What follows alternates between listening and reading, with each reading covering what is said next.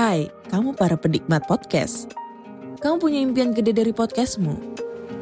Terus First Story bisa banget bantu kamu.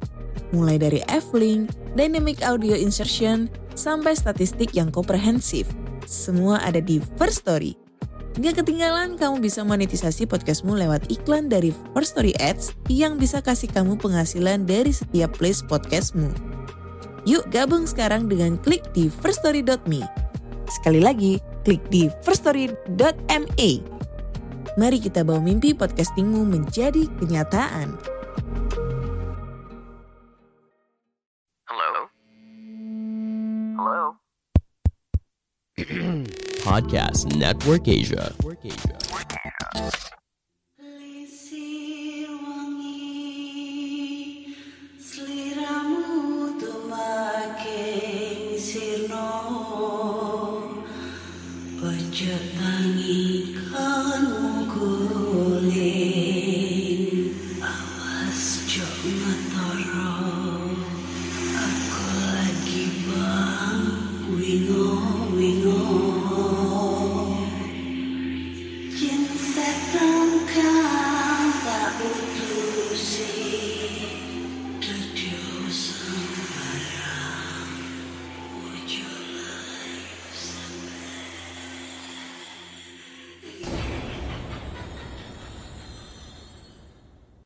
Hai Rek, ya apa kabar Ketemu lagi dengan aku si Ana di podcast kisah horor.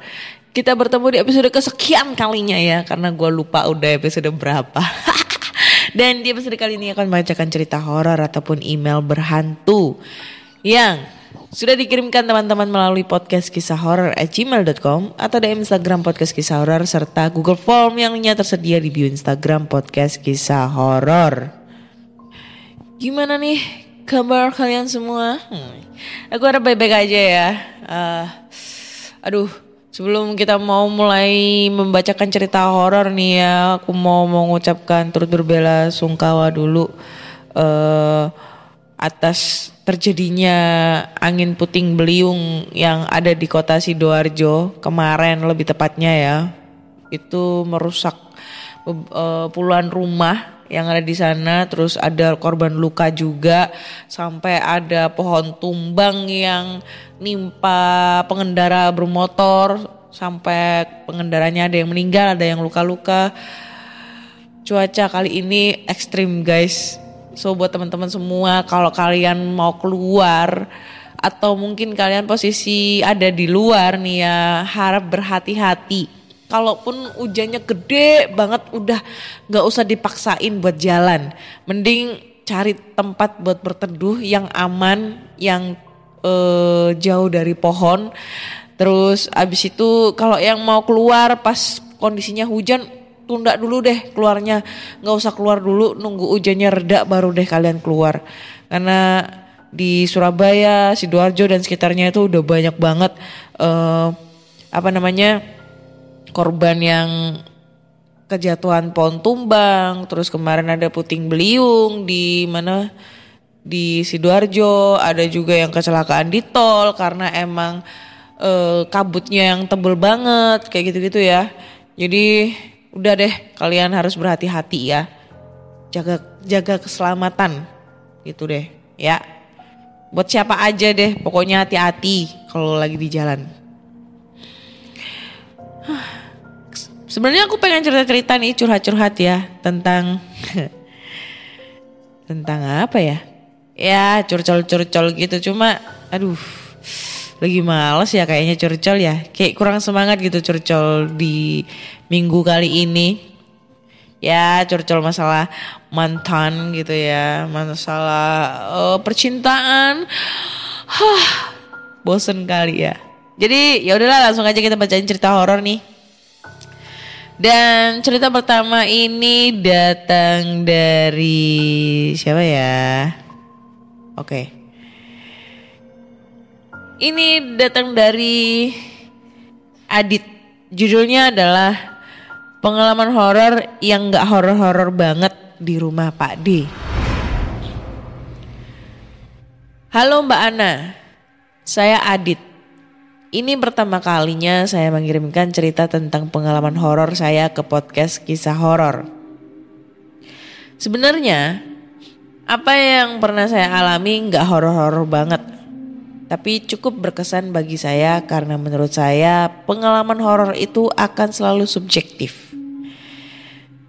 Personal dan jangan heran kalau pengalaman horor horor yang kita alami akan dianggap mengada-ada oleh oleh orang lain. Kenapa?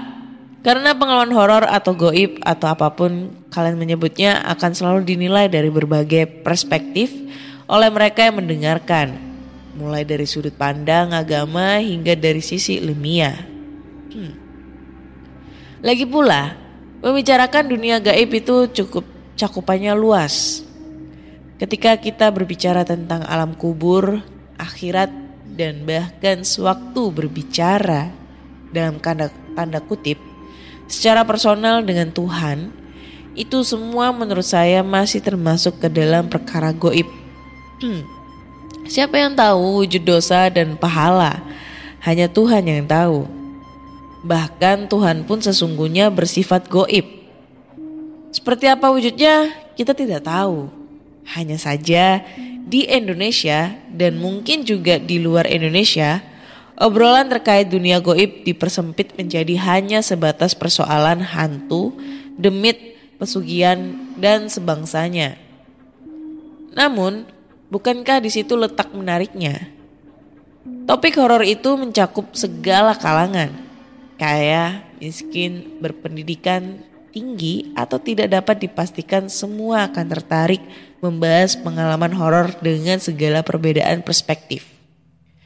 Dan satu lagi, selain video-video panas selebritis, topik horor juga termasuk ke dalam topik pemersatu bangsa. Oke, kembali ke cerita. Pengalaman horor ini saya alami ketika saya masih SMA. Sewaktu saya SMA, saya tinggal di rumah almarhum Pak D. Saya karena memang beliau yang membiayai sekolah saya sampai lulus. Rumah Pak D saya memiliki tiga tingkat Kamar saya di tingkat kedua. Di rumah itulah saya mengalami beberapa kejadian yang cukup aneh. Waktu saya pertama kali tinggal di sana, itu masih sama itu masih masa-masa liburan setelah kelulusan SMP. Dan berbarengan dengan rumah Pak D yang baru selesai. By the way, rumah Pak D ada dua, berdekatan. Saya tinggal di rumah yang baru itu. Dan di rumah baru itu, saya ikut bantu-bantu beres-beres ruangan. Ada almarhumah adik saya juga yang ikut membantu sekalian menghabiskan liburan. nah, ketika tengah beres-beres itulah adik saya menghampiri saya dan bilang kalau dia melihat boneka milik keponakan bergerak sendiri. Entah bergerak seperti apa karena saya tidak melihat dan saya pun sama sekali tidak menanggapi omongan adik saya itu. Beberapa hari kemudian keponakan saya tengah asyik bermain di kamar saya. Pagi itu kira-kira jam 7, saya sibuk membereskan buku ditemani keponakan yang asik bermain sendiri. Adik saya mandi. Lagi fokus membereskan buku, tiba-tiba Keponakan menangis sambil menutup wajahnya. Saya yang bingung pun bertanya, "Kamu kenapa?" "Itu, Om. Tadi ada nenek-nenek lewat depan kamar. Rambutnya panjang berantakan, matanya melotot, mulutnya menganga lebar gitu," kata keponakan. Itu kejadian di pagi hari dan saya sama, sama sekali tidak melihat nenek-nenek itu. Saya sempat mikir, jangan-jangan boneka bergerak sendiri yang dibilang adik saya itu memang beneran terjadi. Kejadian selanjutnya terjadi waktu saya sepulang sekolah. Ini terjadi beberapa lama setelah kejadian boneka bergerak sendiri dan keponakan melihat nenek-nenek goib. Tidak terlalu seram sih, tapi cukup berkesan bagi saya.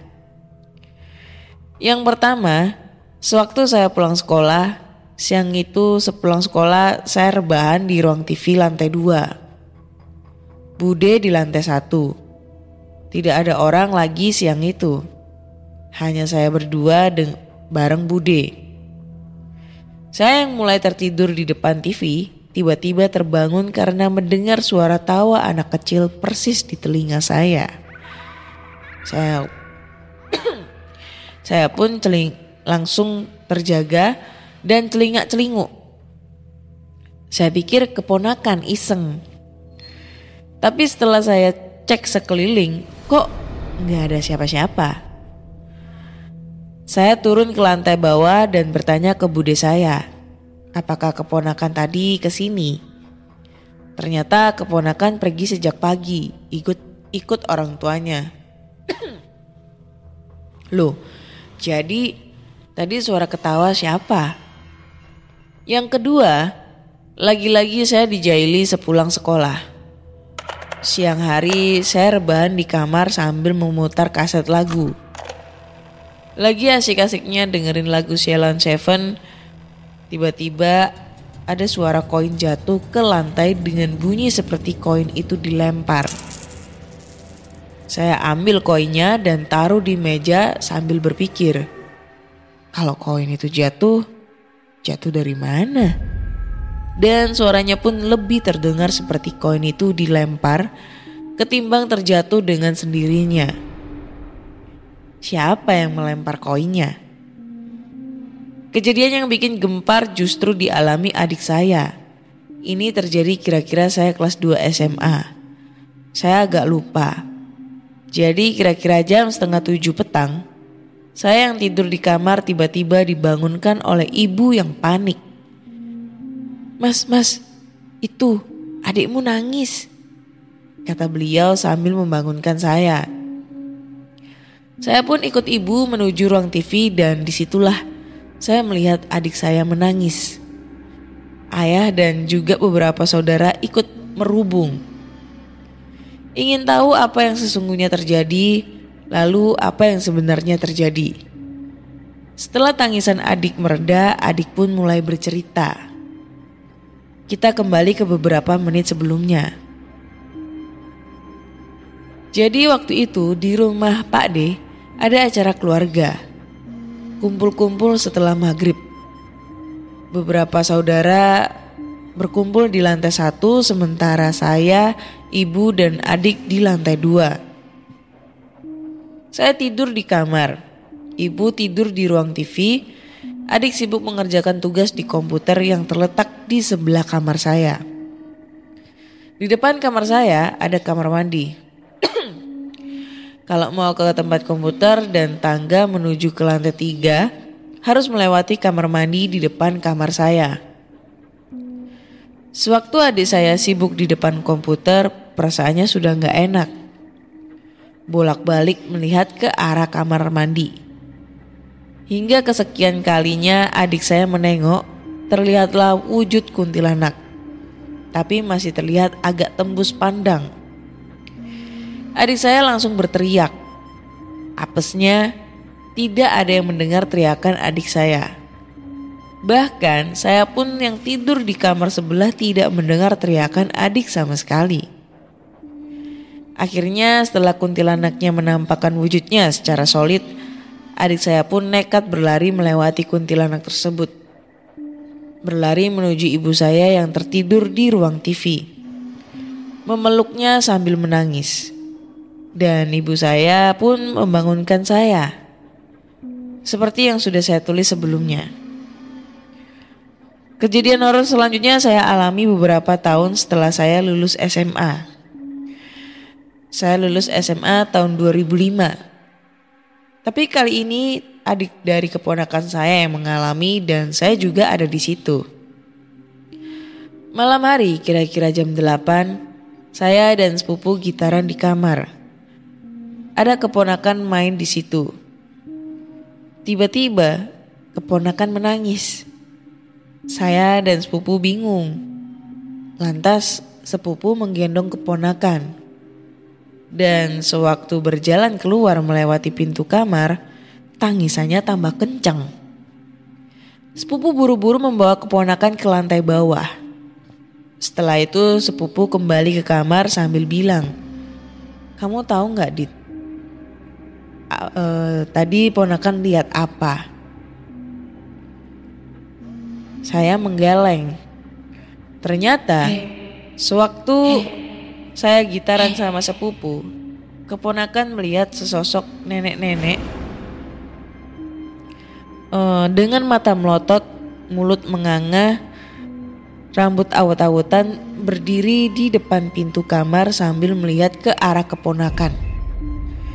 Makanya waktu sepupu menggendong keponakan melewati pintu kamar, tangisannya tambah kenceng karena berarti dia melewati nenek-nenek goib sialan itu. Kayaknya untuk sekarang itu aja sih pengalaman horor yang bisa saya ceritakan sebenarnya. Masih ada beberapa pengalaman horor yang enggak enggak eh enggak enggak yang enggak horor-horor banget yang saya alami. Mungkin lain waktu saya akan ceritakan. Akhir kata makasih ya cerita saya sudah dibacain. Makasih juga ya komentar saya di DM Instagram udah dibacakan di episode pendamping gelapku. Oh iya satu lagi mendengar curhatan Mbak Ana yang katanya susah mau ya itu dah ya. Oke makasih Adit buat ceritanya cukup panjang ya ceritanya di kali ini. Hmm. Huh, apa ya? Mau ngomong apa nih ya? Eh, ya pengalaman horor teman-teman kita itu bermacam-macam ya. Gua nggak bisa ng- ngomentarin yang kali ini. Ya mungkin bisa dibilang itu halu, bisa dibilang itu real. Gua juga nggak tahu. Yang dia pasti dia bilang juga ho, eh, gak horor-horor banget karena emang yang ngalamin sih bukan dia ya, tapi yang ngalamin adiknya dan keponakannya. Ya mungkin pada saat itu hmm, Ya itulah pokoknya. Gue gak bisa cerita coy. Nggak, Maksudnya gue gak bisa komentar nih. Kalau cerita terlalu serius itu jujur ya Gue bingung mau komentar apa. Tapi kalau ceritanya yang Oh yang ah, Yang bikin orang kita ketawa Dan julid nih. Julid untuk ngomentarin Nah itu pasti gampang banget gue untuk ini ya bacot gue buat ber- berkomentar. Karena udah banyak banget nih yang udah kangen sama bacotan gue kalau berkomentar yang pedes-pedes gitu ya gue bodo amat apa kata netizen. Yang penting penggemar gue suka kalau gue berkomentar kayak gini. Haha mau apa lo ya kan? Oke. Langsung aja kita ke cerita berikutnya ya tanpa berbasa-basi lagi. Jadi cerita berikutnya ini datang dari yang bernama Clara. Hai Kak Ana, aku mau cerita pengalamanku sedikit ya. Eh, mungkin bagi teman-teman ini nggak serem sih, tapi bagi aku ini serem banget. Ini kejadiannya udah agak lama sih, sekitar tahun 2017 lalu. Kejadiannya waktu saya dan suami masih tinggal di apartemen di daerah Cengkareng, Jakbar, Jakarta Barat. Pada suatu hari teman lama saya, teman SD saja, teman SD saya, eh gimana sih? Teman SD saya ajak ketemuan di mall. Karena itu saya pesanlah Gojek online untuk pergi ke mall. 10 menit kemudian driver driver chat saya dan bilang udah tiba di pos satpam yang ada di pintu gerbang masuk. Saya masuk ke lift sampai ke pos kurang lebih 10 menit karena agak lama memang liftnya. Maklum rame dan lift yang nyala cuma satu. Ketika saya sampai di pos kok tidak ada drivernya. Saya chat drivernya di mana pak? Katanya udah sampai. Tidak lama kemudian drivernya datang dengan wajah bingung. Loh, ibu masih di sini? Maksud bapak? Ya iya, saya tunggu di sini dari tadi pak. Aduh bu, tadi ada cewek mirip ibu dan udah naik sama saya. Boncengan sama saya. Lalu saya antarin.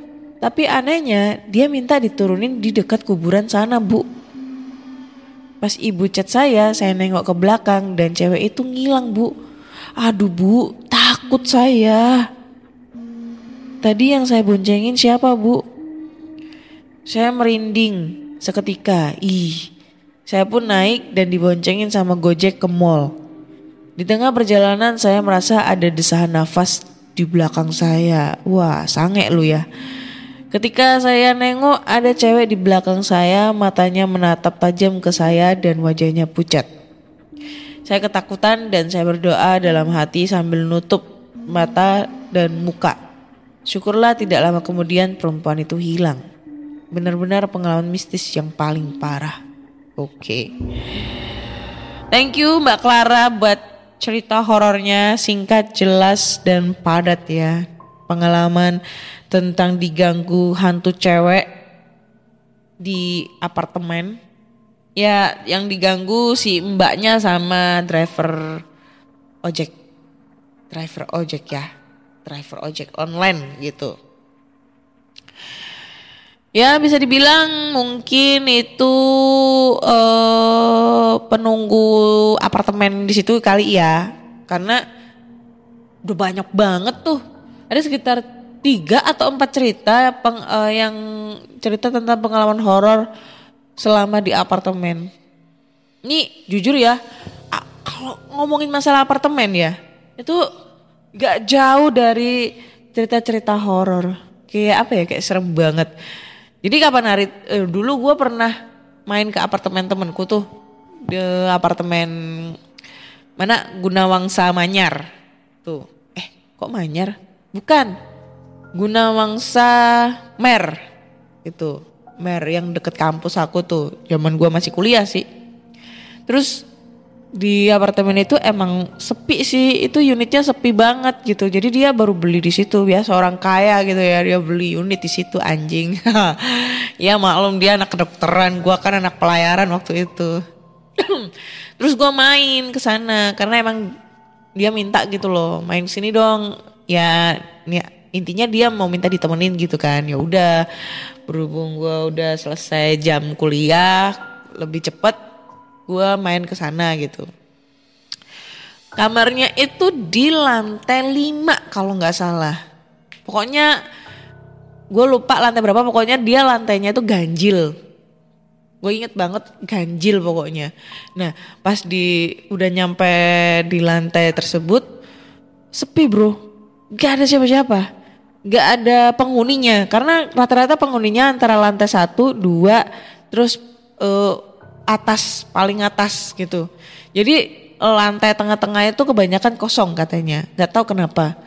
Nah dia di situ tuh katanya uh, per lantai itu itu uh, ada sekitar dua atau tiga penghuni gitu loh dari dari sekian puluh kamar yang ada di situ gue nggak pernah ngalamin cerita horor sih di situ. Maksudnya waktu di apartemennya itu nggak pernah. Cuma dia cerita sih. Waktu dia pertama kali uh, hari ketiga, hari keempat dia nempatin itu kamar, uh, nempatin apartemen itu, kayak banyak gangguan kayak ada yang ngetok-ketok dari tembok sebelah. Terus abis itu ada yang kayak jalan duk duk duk duk duk dari atas gitu Terus pokoknya berisik banget setiap malam.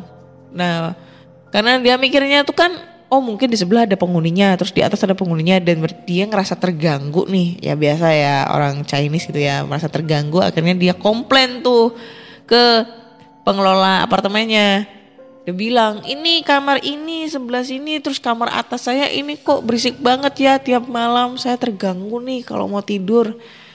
Terus katanya si pengelola apartemennya bilang kalau unit di sebelahnya sama yang di atasnya itu nggak ada orang alias kosong alias masih masih belum ada penghuninya coy. Dulu pernah ada penghuninya, cuma udah kosong sekian tahun gitu. Gila, serem nggak? Makanya gue paling paling males kalau misalnya gue beli unit apartemen gitu. Woi beli.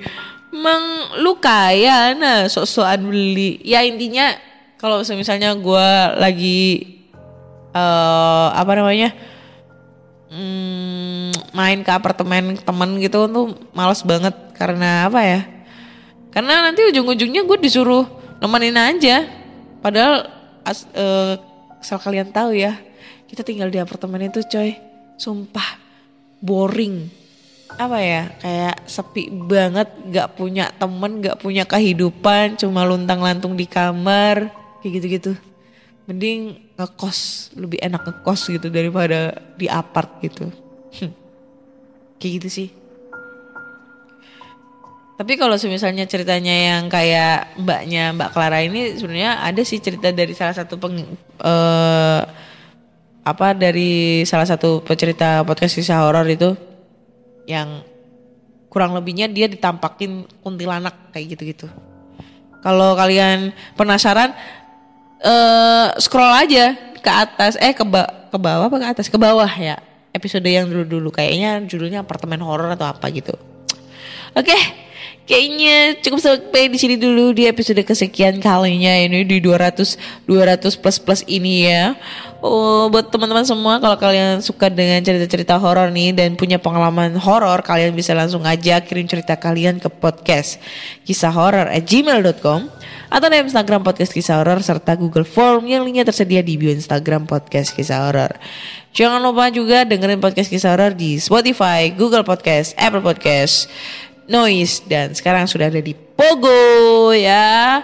Terus kalau kalian suka dengan channel YouTube aku tentang explore-explore tempat terbengkalai dan penasaran banget dengan konten aku, kalian bisa langsung aja mampir ke channel YouTube aku namanya Ana Olive A N N A O L I V E.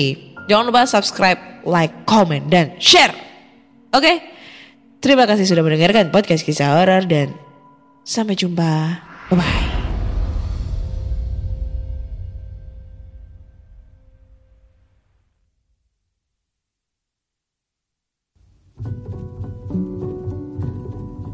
Pandangan dan opini yang disampaikan oleh kreator podcast, host, dan tamu tidak mencerminkan kebijakan resmi dan bagian dari podcast Network Asia. Setiap konten yang disampaikan mereka di dalam podcast adalah opini mereka sendiri dan tidak bermaksud untuk merugikan agama, grup etnik, perkumpulan, organisasi, perusahaan, perorangan, atau siapa pun dan apa pun.